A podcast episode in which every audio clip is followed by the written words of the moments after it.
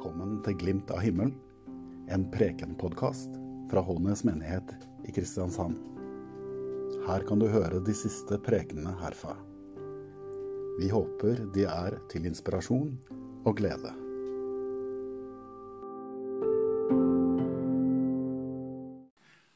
Dette hellige evangelium på 23. søndag i treenighetstiden står skrevet hos evangelisten Markus i det andre kapittel, og vi reiser oss.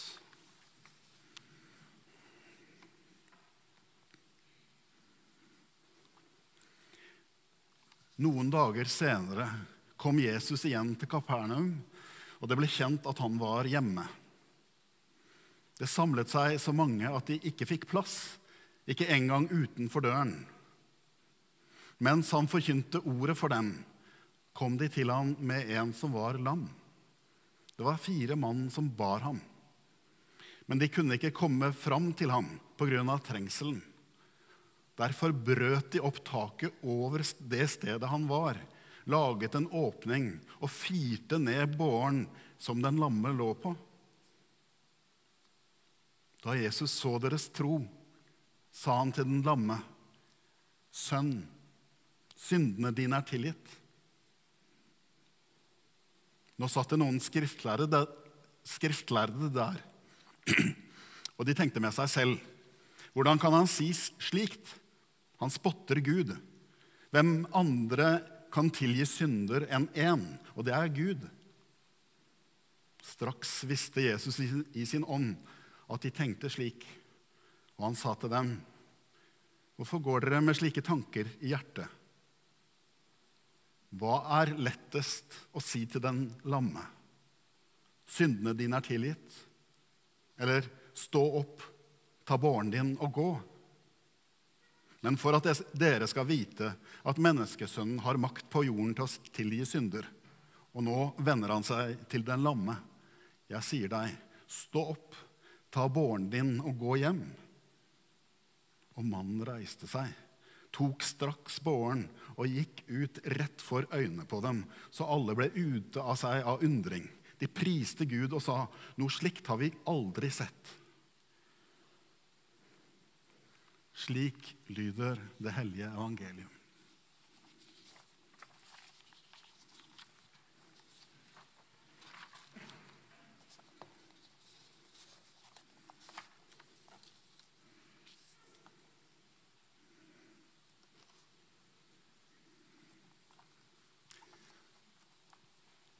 Kan du huske sist gang du ble overveldet av kjærlighet? Det skjer kanskje ikke så ofte, men det skjer iblant. Liksom, at eh, liksom, uten at du var forberedt på det, så fylles du av varme følelser. Hjertet renner over, liksom. Kan du huske det? La meg illustrere. Du sitter i bilen på vei til jernbanen for å ta imot mot mannen din. Han har vært borte en stund nå. Det skal bli godt å få han hjem. Og mens du sitter og kjører i bilen, så, så ser du liksom han for deg. Og et smil begynner å bre seg om munnen din. Mannen din er ikke perfekt, men han er ikke en plage heller. Han har tatt sin del av bleieskift og er rimelig effektiv både med støvsuger og gressklipper. Fremdeles like kjekk som eh, da dere møttes. Bare litt rundere i formene og litt mindre hår på toppen, men du ser ikke det. Du bryr deg ikke om det. Og da du kommer på stasjonen og møter blikket hans, så kjenner du at dette er mannen som stjal hjertet ditt. Og hjertet ditt renner over. Et annet eksempel. Den gangen du skulle være barnevakt for ditt nyfødte barn, barnebarn for første gang. I det stundene, den gangen hvor det var bare du og han i armene dine. Og du setter deg og liksom vender på den lille gutten, sånn at du kan se ansiktet hans og tenke på hva framtiden hans vil bringe. Hans første skritt hans første kyss, fotball, utdannelse. ikke sant? Du lurer på åssen det skal bli å vokse opp i en verden der smerte lurer bak hvert gatehjørne. Og mens du ser på ansiktet hans, så kjenner du fra dypet av din sjel at dette barnet vil du beskytte. Det vil gå bra, sier du, og avlegger et hellig løfte. Samme hva som skjer, gutten min. Det vil gå bra.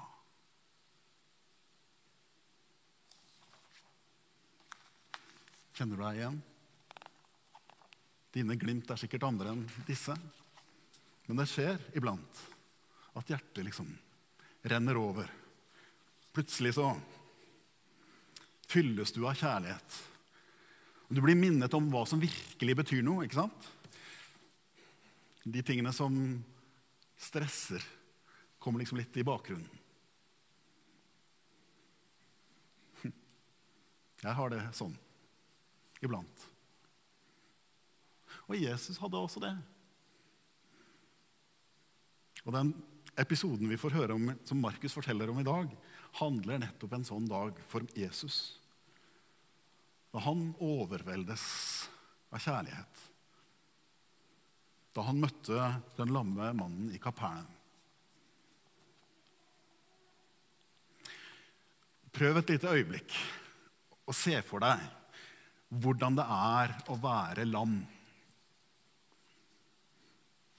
Denne mannen kunne ikke stå, ikke gå. Ikke gå. Hele verden passerte han forbi i hoftehøyde. Og han var bare en tilskuer.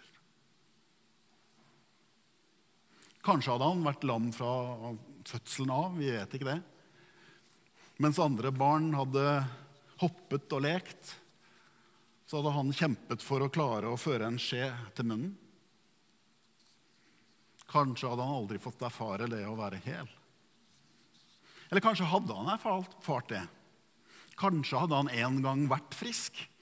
Kanskje hadde han en gang vært raskest i gata, sterkest i klassen. Han som de andre barna i byen så opp til. Men så kom fallet. Kanskje ned en skrent eller ned en trapp. Smerten i hodet var forferdelig. Men nummenheten i hendene og føttene var enda verre. Plutselig hang hendene og dinglet fra kroppen hans som, som tomme jakkeermer. Han kunne se dem, men ikke føle dem.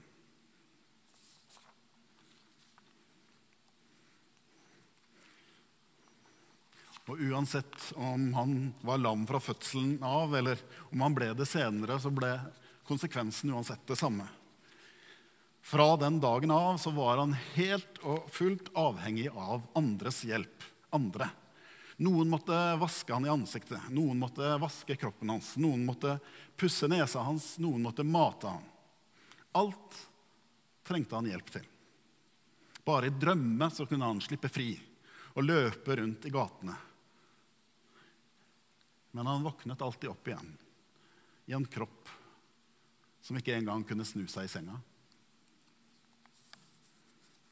Det han trenger, er en ny kropp, sa folkene i Kapernaum.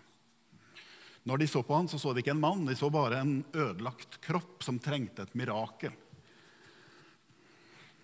Det var ikke det Jesus så, men det var det folk flest så. Også vennene hans. Og Derfor så prøvde de å gjøre det enhver av oss ville gjøre for en venn. De ville hjelpe, selvfølgelig.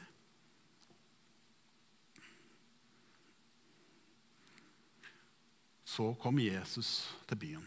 Ryktene fortalte at Jesus, snekkersønnen fra Nasaret, var kommet tilbake til Kapernaum. Og historiene som svirret om denne mannen, var ganske ville, for å si det pent. Noen mente at han var en trollmann som hadde magiske evner. Andre sverget på at han var en profet. Flere kunne fortelle at han gjorde mektige gjerninger og helbredet syke. Derfor stimlet folk sammen for å se ham. De kom fra hele Kapernaum og byene omkring. Med bandasjer og krykker, hinkende og hoppende. Gamle mennesker med grå ansikter, fedre med stumme sønner, kvinner som ikke kunne få barn. Alle flokket seg rundt Jesus og håpet å få hjelp. Men da vennene til den lamme kom, så var huset allerede stappfullt. Det tøt armer og bein ut av dører og vinduer, og hjertene deres sank. Hvordan i all verden kunne de klare å få Jesu oppmerksomhet? Hva skulle de gjøre? Gi opp, eller, eller gå inn? Hva hadde skjedd hvis de hadde, hvis de hadde gitt opp? Hvis de hadde liksom ristet på hodet og mumlet noe om at mengden er for stor, og middagen blir kald, og, og så liksom bare snudd og gått. Tross alt. De hadde jo allerede gjort en god gjerning liksom ved å komme så langt. Hvem ville klandre dem om de ga seg nå? Det er grenser for hva vi liksom kan gjøre for andre. Men disse vennene hadde ikke gjort nok. Og en av dem får en vill idé. De andre står rundt og lytter til planen om å klatre opp på huset, rive opp taket og senke båren med den lamme ned over Jesus med tau. Bare se dere for det. Det er på en måte en risikabel plan, for de kunne selv miste balansen og grepet selvfølgelig og falle ned sjøl. Det var farlig for den lamme som kunne falle av båren. Det var ulovlig. Reaksjonen fra huseieren kunne bli skarp, for å si det rett ut. Og det var invaderende også. Jesus var tross alt opptatt der han var der nede. Men dette var deres eneste sjanse til å få se Jesus, så de klatret opp på taket.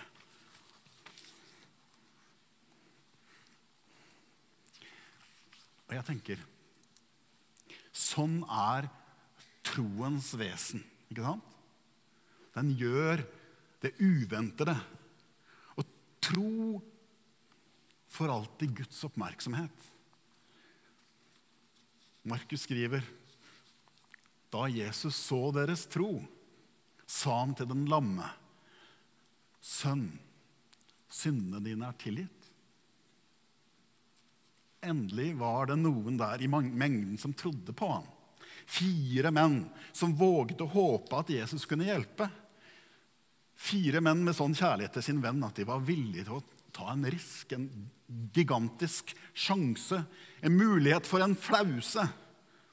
Bare for noen sekunder med mannen fra Nasaret.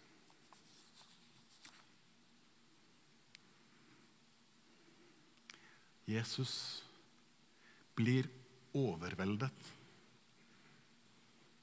Som kona blir overveldet av kjærlighet til sin kjære ektemann.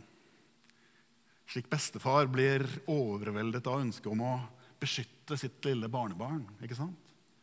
Jesus ble overveldet av deres tro. Hans ansikt stråler. Han løfter hendene for å hjelpe.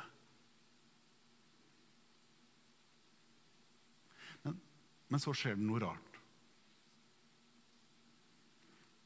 For det eneste vennene håper på at Jesus vil si, gjøre, er å helbrede den lammes kropp. Men Jesus nøyer seg ikke bare med det.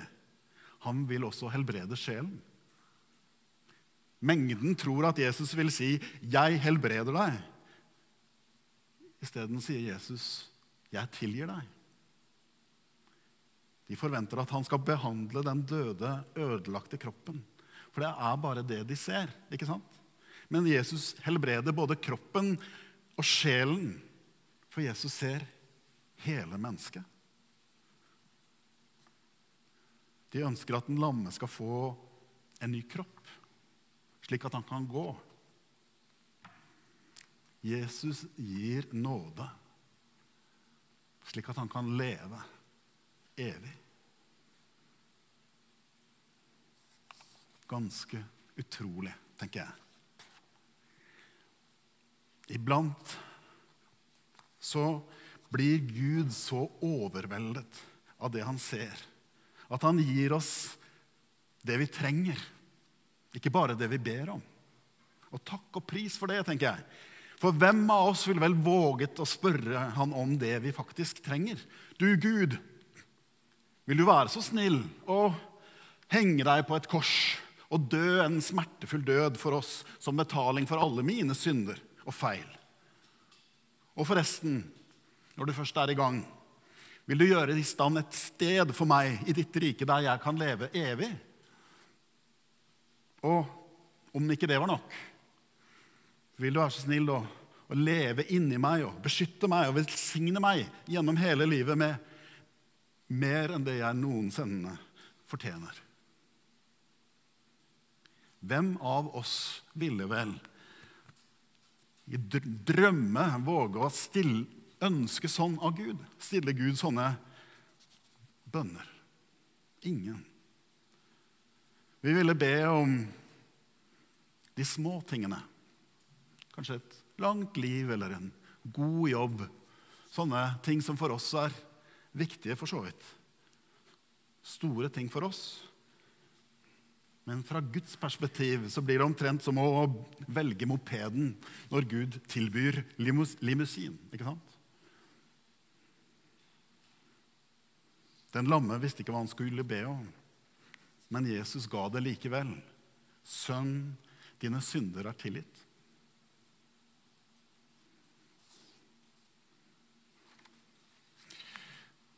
Men det var da fariseerne fikk noe å tenke på. For det er jo ikke lov å si det.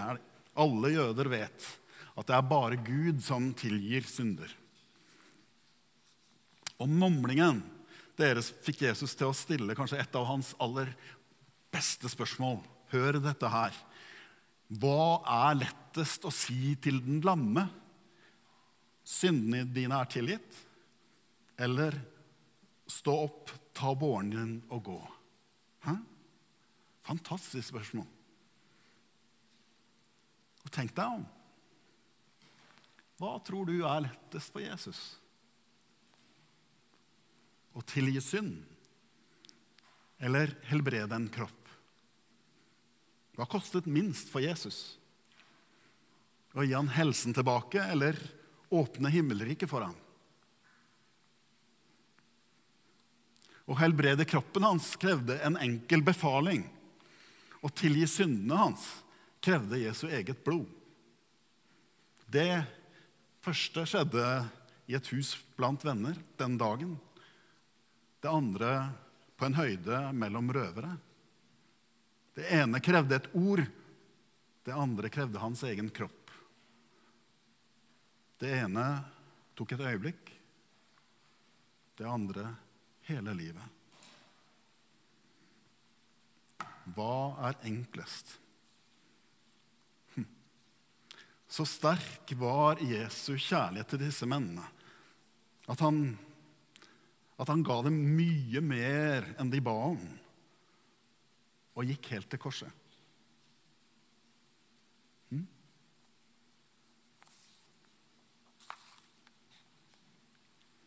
For Jesus vet allerede hva nåde koster. Han vet prisen på tilgivelse men han tilbyr den likevel. Hans hjerte renner over av kjærlighet. Og det var ikke bare sånn den ene dagen i Kapernaum. Det er også sånn denne dagen på Hånes. Faktisk er det sånn at Jesus er sånn fremdeles. Det skjer ikke bare én gang, det skjer hver gang. Når vi tar et forsiktig skritt i tro så er han der med en gang. Det samme ansiktet som strålte mot den lamme den dagen, som inkluderer den som mot ektefellene, som forsones mot eleven, som inkluderer den som faller utenfor på skolen, eller alkoholikeren som motstår flaska.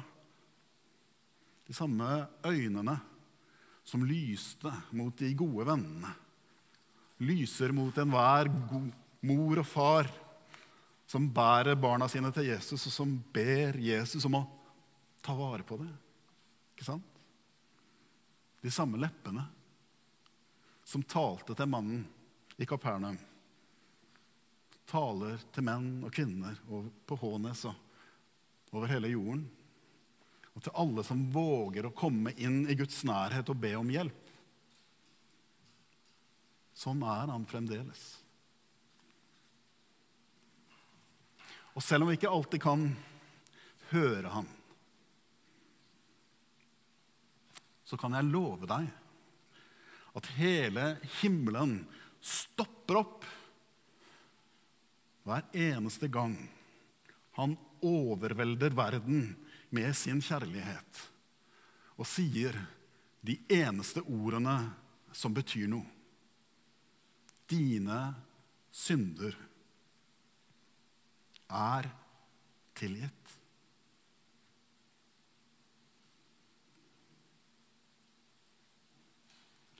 Ære være Faderen og Sønnen og Den hellige ånd, som var og er og blir en sann Gud fra evighet og til evighet.